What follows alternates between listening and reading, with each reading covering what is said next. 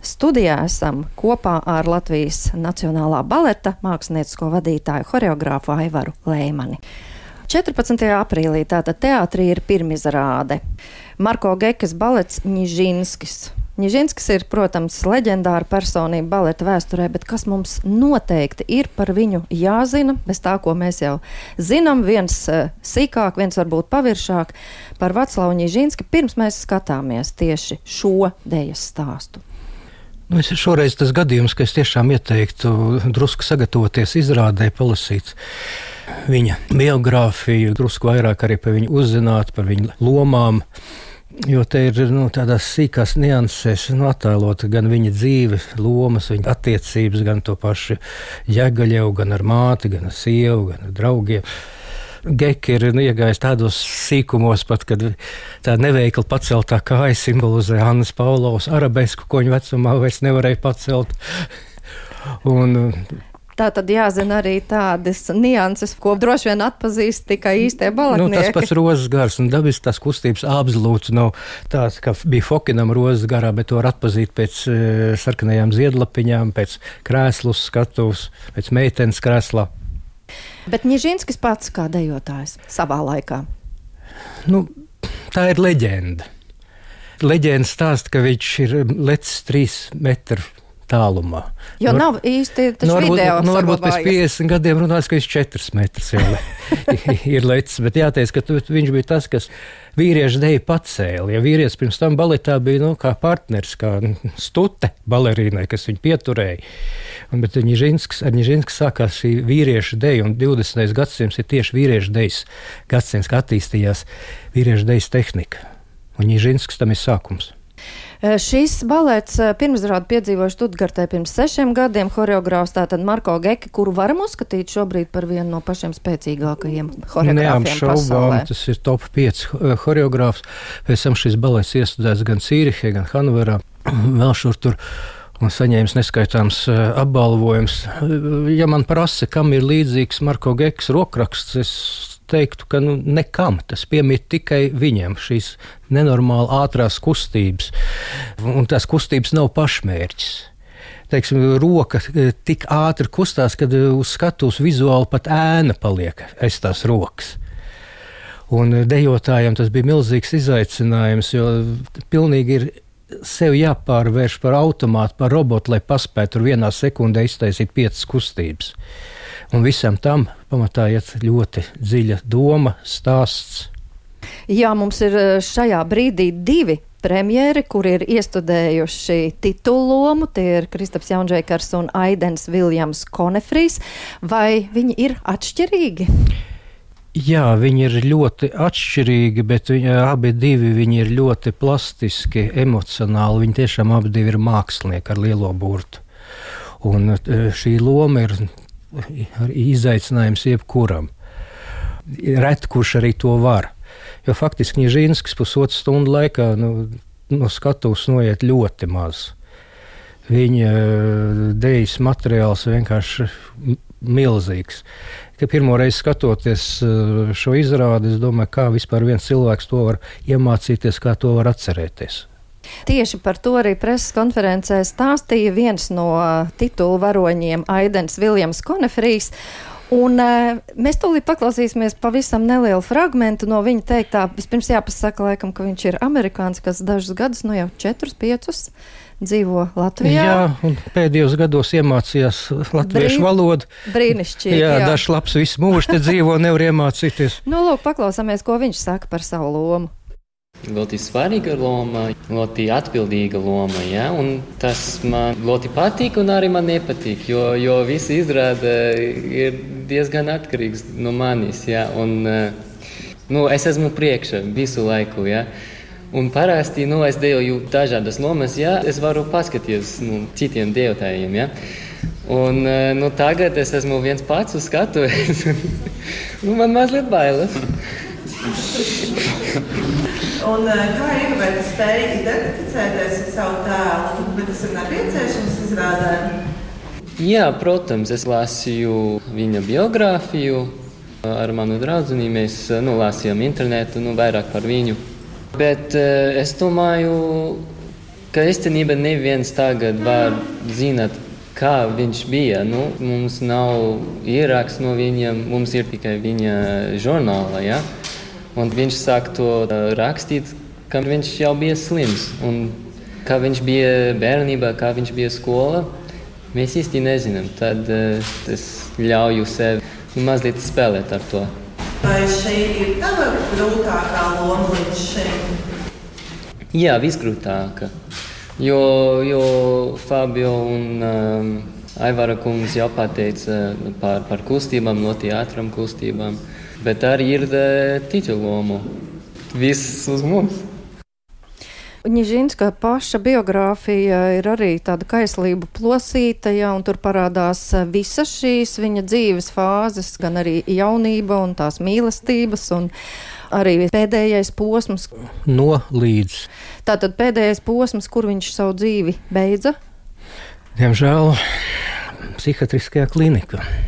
Nu, ar māksliniekiem tā dažkārt tiešām gadās. Jā, es domāju, ka tikpat būtiska loma kā titulvaronim ir arī Impresārijam Djagiļevam, Sergejam Djagiļevam, kurš rakstīja, ka viņam piemīt zināma dvēseles bezkaunība un pieredums spļaut acīs. Tas nevienmēr ir viegli, bet gandrīz visos gadījumos liederīgi. Un kā izteicās arī Antons Frēmans, kas atveido šo lomu, nu, Djagiļevs nesot bijis labs cilvēks. Kā ir ar impresāriem, toreiz impresārijas? Nu, es uzskatu, ka pirmkārt ir jāsagādā maksimāli labi apstākļi māksliniekiem, tad arī kvalitāte uz skatuves būs attiecīgi līmenī. Un par pārējiem solistiem, mūsu solistiem, kur atveidotā tad Djagiļevs, eh, ir Antons Freimans, ir arī Romola. Nižinska sieva. Jā, ir terpsihori, ir māte, ir spāri, ir tur ir ārkārtīgi daudz tādu it kā nelielu lomu, bet ārkārtīgi nozīmīgu lomu. Un šeit katram izrādes dalībniekam ir savs solo, sava uh, lomiņa. Viņi gan ir visi kopā, gan atsevišķi. Tiešām katram ir ko pateikt. Tā tad būs iesaistīta tomēr liela daļa mūsu baleta. Protams, protams, vadošās solists arī mūsu Mākslinieki jau pieminēja mūziku, un šeit ir jāmin, ka mūzika tie ir tikai divi komponisti - Šopēns ar abiem klavieru koncertiem un Debisī ar fauna diendus. Debisī vēl var saprast, jo Ņižinskis pats ir veidojis fauna diendusai savulaik horeogrāfiju, bet, ja domājam par Šopēnu, it kā var būt mulsinoši, jo nu nav gluži dejiskā kā pati mūzika, tomēr ļoti romantiska ar rubātos, dažādām svārstībām, bet varbūt tieši tas, kas ir vajadzīgs stāstam. Geka reizēm studējot horeogrāfu, viņš pat iet pret to mūziku. Ja mūzika ir ļoti lēna, viņam gluži otrā kustības ir ārkārtīgi ātras un otrādīgi. Bet izdejot to ir iespējams. Protams. Protams. Citkārt, varbūt uh, tas būtu netik nozīmīgs fakts, bet varbūt tagad gribas uzsvērt, ka Vaclavs Žīnskis, kas nāk no poļu ģimenes un ir uzaudzis Krievijā, tomēr piedzima Kijevā. Jums šobrīd teātrī arī ir uzņemtas trīs ukraiņu balerīnas, kas uh, ir šobrīd pasargātas no kara šausmām, kā viņas ir iejutušās. Ivanka, Elīna un Angelīna. Pie manis griezās Denis Matvienko, Ukrāņu baleta zvaigznes, bijušais viņu baleta vadītājs, ar lūgumu palīdzēt jo daudz ukrāņu dejotāji devušies bēgļu gaitās. Es ar viņu atļauju izvietoju šo viņa vēstuli. Mums ir tāds čats, kur mēs kontaktējamies apmēram 120 baleta vadītāji no visas pasaules. Es ievietoju viņu vēstuli šajā čatā, un ļoti daudz uzreiz atsaucās un uh, uzņēma šos ukrāņu dejotājus. Pirmās uh, man uzrakstīja šīs meitenes. Tā joks pat bija. Es prasīju, kur tu pašlaik atrodies. Viņš saka, es esmu pie Rīgas. Kur pie Rīgas Pāvilostā? nu, tas ir no nu, Ukrainas mēroga un, Jā. un mūsu mēroga. Acīm redzot, priekš viņas Pāvilostā, laikam priekš mums Mārupi ir. Jā, nu, ko tad šīs meitenes šobrīd dara? Viņas jau nodejoja Gulbi ezerā. Kordobaletā gulbis ļoti profesionāls, ļoti labi apmācīts meitenes. Viņas tūlīt gatavos speciālu numuru trietā vienā lielā galā koncertā. Viņas pamazām ies mūsu repertuārā. Līgums gan viņām pagaidām ir līdz sezonas beigām, nu tālāk skatīsimies. Mm -hmm. Kijavā taču ir baleta skola. Ļoti laba. Un ne tikai Kijavā, baleta skolas ir Harkovā, Doņetskā, Odesā, Ļuvovā, un tāpat arī baleta kompānija tur ir ļoti daudz. Vai arī pirms baleta izrādēm spēlē Ukraiņas himnu? Vienmēr. Tas ir skaisti. Jā. Vienmēr man šausmīgi tracina tie daži cilvēki zālē, kas neceļās kājās. katrā izrādē atrodas kāds pārīts. Baleta publika tā ir droši vien daudz nacionālāka, varbūt pat nekā operas publika. Es domāju, tas arī mīts vienlaika runāja, kad uz operu nāk latvieši, uz baletu vairāk nāk krievi. Nē, tā nav. Tā absolūti tā nav. Mm -hmm. Šobrīd, protams, ir tik daudz mulsuma un pārbīžu un, un māksliniecisko plānu izmaiņu, un arī mākslinieku personiskajos uzskatos un dažādos postulātos mēs dzirdam dažādus viedokļus. Ir, ir dejotāji kā Berišņikovs, kas ir nosodījis, protams, kara darbību, ir krievu dejotāji, kas ir pametuši lielo teātri Maskavā un emigrējuši uz Eiropas teātriem, un ir tādi visticamāk arī, kas nemainīs savu viedokli. Un, un droši vien paliks izolēti. Kādas tavuprāt šobrīd ir tās konsekvences, ko nes līdzi šis turpmākais laiks? Kāda tev ir šobrīd pieredze komunicējot? Nu, man raksta ne tikai ukraiņu dejotāji, man raksta arī ļoti daudz krievu dejotāji, gan vadošie dejotāji no lieliem teātriem, bet mēs viņam atbildam, ka es atvainojos, bet pašlaik ar Krievijas pasu nevar saņemt ne darba atļauju, ne arī tagad uzturēšanās atļauju. Un eh, runājot arī ar tiem maniem kolēģiem, kas pašlaik atrodas Krievijā, Pirmkārt, es jūtu tādu taisnošanos no viņas puses, un mēs jau nekad to negaidījām. Mēs jau to nezinājām, es jau neko, es jau, es jau tikai pa to savu lauciņu. Un, uh, Bet vai tad mēs arī gaidījām, ja tiem cilvēkiem ir arī droši vien savu attaisnošanās, ļo, bet ne šajā brīdī? Es ļoti cienu Valdu Zatleru gan kā ārsts, gan kā prezidents, kā, kā personība. Viņš jau rudenī pateica, bija raksts, karš būs. Un es, diemžēl, es arī biju par to pārliecināts. Un kas notiek tagad ar tiem dejotājiem? Nu, tu teici, ka vesela virkne dejotāju tomēr no Krievijas teātriem ir devušies uz Eiropu, ja viņi tur jau ir bijuši. Tie jau. ir vairāk bijuši, bet nu, ir dažas zvaigznes, bet kas ir Krievijā strādāja pēdējā laikā diezgan daudz rietumu zvaigznes, izcili rietumu dejotāji gan Lielajā teātrī, Maskavā, gan Marijas teātrī. Viņi visi ir aizbraukuši prom. Pašlaik viesizrāžu tirgu ir izveidojies tāds vakums, jo Krievijai ir simtiem kompāniju, kas ir orientētas tikai uz viesizrādēm. Un mums te sāka birkt vispār priekšlikumu tādu nu, līdz absurdam. Lūdzu, brauciet uz Angliju, trīs ap pus mēneši, 110 izrādes. Un tad es ieraudzīju pa kādām kāda smieklīga. Dempinga cenā. Nu, tās pat nav dempinga cenas. Es nezinu, kas tās par cenām ir, kad par orķestru un baletu kaut kādas grašas atmet, un cilvēki par to dejo dubulti izrādes dienā, dejo mēnešiem. Es vispār nespēju iedomāties, kas notiek ar balerīnu kājām puantēs pēc šādas slodzes. Bet ir arī kaut kas jēdzīgs no tādiem piedāvājumiem, ko tiešām varētu kaut ko ņemt arī. Nē, nu, šis tas bija. Nu, mēs nebraucam vairs viesizrādēs, kas ir garāks par vienu nedēļu vai, vai desmit dienām. Mūsu uzdevums ir uzstāties šeit. Mēs neesam mm. kompānija, kas vienkārši tad ceļojušais cirks, kā saka. Aivar, tev arī pašam ir personīgi draugi, protams, Krievijā. Mēs zinām, ka tu esi arī pats dzīvojis un, un mācījies Krievijā slavenajā Gitisā un, un tajā laikā iedraudzējies arī ar mūsu pašu tautiešiem. Nu, pat nesen Māra Liepa slavenā atvasē Andrs uzstājās savā jubilejas koncertā uz Kremļa kongresa pils skatuves. Un, un Ilza tur nāca klajā ar nevisai tīkamiem paziņojumiem. Bet kā veidojas tagad tev šīs personīgās attiecības? Nu, acīm redzot, vairāk nebūs attiecība nekāda. Nu, tiešām, gan ar Ilzu, gan ar Andru man bija ļoti tuvas attiecības. Ar Andru mēs vēl Ņujorkā žūrijā pēdējos gadus kopā sēdējām. Un, uh, it īpaši man pārsteidz Ilza vienkārši nošokēja. Man vienkārši trūkst vārdu, lai to komentētu. Tās ir tādas draugu attiecības, bet cik nebūs tādu salūzušu ģimeņu, kur vecāki ar bērniem nekomunicē, vairāk dzīvojot katrs savā pasaules daļā. Tā būs, protams, traģēdija, bet kā varētu attīstīties tā saucamā Krievu baleta skola? Vai vispār tāda joprojām eksistē, un uh, kāda varētu tā ietekme pasaules baleta mākslā būt turpmāk? Jo skaidrs, ka agrāk tāda bija. Nu, paši... pr protams, viņi eksistē, protams, viņi joprojām ir ļoti labi un stipri, bet pasaulē arī ļoti labas un stipras, stipras ir citas skolas. Nav vairs tā, ka nu, Krievijas balets pasaulē ir numur viens.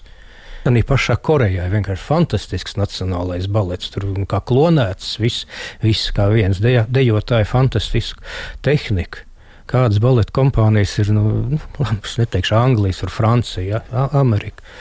Nav vairs tā, ka dominē tikai kaut kāda viena skola, viens balets. Vai savas korekcijas eh, šajā aizvadītajā periodā, un, kā mēs teiktu, visā tai kopīgajā dēritē ir ienesis arī ilgais pandēmijas laiks? Diemžēl jā. Tas uh, mums tūlīt būs konferences baleta vadītāji. Helsinkos. Es gribu uzdot šo jautājumu, jo es zinu, ka visur ir šī problēma. It kā mēs šos divus gadus, arī kad bija lockdown, mēs trenējāmies. Mēs trenējāmies ar Zoom mājās, mēs trenējāmies katru dienu teātrī. Labi, nebija izrādes. Tagad, kad sākās atkal šī slodze, sākās birums ar traumām, ar ļoti smagām traumām, ar muskuļu plīsumiem, muguras traumām. Acīm redzot, tomēr ar vienu treniņu stundu nepietiek. Tomēr mūsu ķermenis ir radināts pie tā, lai būtu regulāri izrādes, regulāras slodzes. Nu, it kā tas grūtākais laiks tagad ir pāri, bet nu, mums ir ārkārtīgi daudz ļoti labu dejotāju, dejotājas arī, kas pašlaik ir ļoti ilgstoši jau ārā no, un, no slimības labs. Un zinot to neilgo baleta dejotāja mūžu, tas īstenībā tie pāris gadi ir ļoti, ļoti liels iekritiens. Jā, gan pandēmijas pāris gadi, gan šie traumas laiks. Tas viss, protams, ļoti bēdīgi. Bet mēs kaut ko priecīgu arī varam parunāt. Mēs varam tagad parunāt, un mēs tieši par to tāds arī mans nākamais jautājums, jo skatoties, tu saki, ka ir daudz ļoti labu dejotāju mūsu teātrī. Tas nozīmē, ka tā jaunā uh, baleta dejotāja paudze un arī horeogrāfa paudze ir, manuprāt, ļoti spēcīga. Tev pašam bija izcili skolotāji. Tev bija kaprālis, ēķis, blinos un vai tagad? Un cukānos. Un cukānos vai tagad uh, arī jaunajiem dejotājiem ir pie kā labi mācīties? Nu, neapšaubām ir sieviešu pedagoģi ļoti labi un daudz. Ir... Tu vari arī nosaukt tos labos vārdus. nu, vismaz kādu. nu, Indra Lapšina varētu nosaukt Zane Lieldiģa, Rita Harlapa. Ir vīriešiem Marijans Butkevičs, Sergejs Nikšins. Bet nu, vīriešiem tur tas rezerves soliņš diemžēl nav tik garš. Un rezultātā arī mums, ja visas mūsu balerīnas ir mūsu skolas absolvents, 100%, tad ar puišiem ir kā ir. Es tikko atkal izsludināju konkursu. Un pieteicās pāri pa 200 dejotāji, gribētāji, kas gribētu pie mums strādāt, un varēja atlasīt. Un kā ir ar tiem, kuri šobrīd piesakās? Ir vēlme uz choreogrāfijas skolu doties? Vienu brīdi bija tā, ka bija tāds kaut kāds iztrūkums daudz gadu garumā, ko mēs pašlaik izjūtam, ka mums entos gadus pēc kārtas nav puikas izlaiduma. Bet tagad situācija ir eh, krietni uzlabojusies. Tagad es redzu, ka ir samērā daudz jau puikas baletskolās, gan vidējās, gan jaunākajās klasēs. Tu pats arī šobrīd strādā pie kaut kā jauna. Nē, pašlaik nē. Pašlaik mans uzdevums ir teikt, pavērt vārdus jaunajiem choreogrāfiem, jo viņi ļoti veiksmīgi to dara. Sākot jau uz jaunās skatuves, pēc tam jau uz lielās skatuves, te es varu minēt Elza Līmanu, Antonu Freimanu, arī drīzumā Raimons. Tas pats, kurš dejos diagīnā. Jā, jā, jā. jā. Drīzumā arī Milāna Komorova, Raimons Martīnovs studēs tā kā paralēli viesu choreogrāfiju, mums būs arī mūsu choreogrāfa darbi. Kam tev vēl atliek laika? Mm. Man pašlaik pat drusku paliek pārlaika, jo es nevaru nevar makšķerēt, jo pašlaik nav sezona. Oho, to gan es nezināju, ka tu esi arī makšķernieks. Spinningotājs vai makšķernieks? Nē, spinningotājs. Tad tu ej uz forelēm? Nē, uz līdakām. Un kurās vietās? Babīti, Lielupi. Ne, man patīk aizbraukt uz Somiju, Norvēģiju. Tas ir tas nepieciešamais klusums vienkārši, jau tāda atslēgšanās. Atslēgšanās, domāju. Nu, lieliski. Cerēsim, ka laiks būs labvēlīgs un kad arī būs pietiekami rāms, lai mēs varētu arī atvirzīt domas paši sev, jo tagad tās domas bieži vien darbojas kaut kur citur un klīst pa citiem laukiem. Es teikšu, Aivar, tev paldies par sarunu un, uh, lai, protams, izdodas pirmizrāde un gribu nodot arī sveicienus vismaz caur ēteru tavai mammai. Paldies. kurai nesen nosvinējām ļoti cienījamu 90. dzimšanas dienu. Vai viņa joprojām sēžas pie autostūres? Nu, pēdējos divus gadus vairs ne. Bet viņa prieku izzinās līdzi. Tas ir apbrīnojami. Paldies liels par sarunu, un mēs tālāk jau klausīsimies kopā ar Aivaru viņa izvēlēto mūziku muzikālajā kafejnīcā.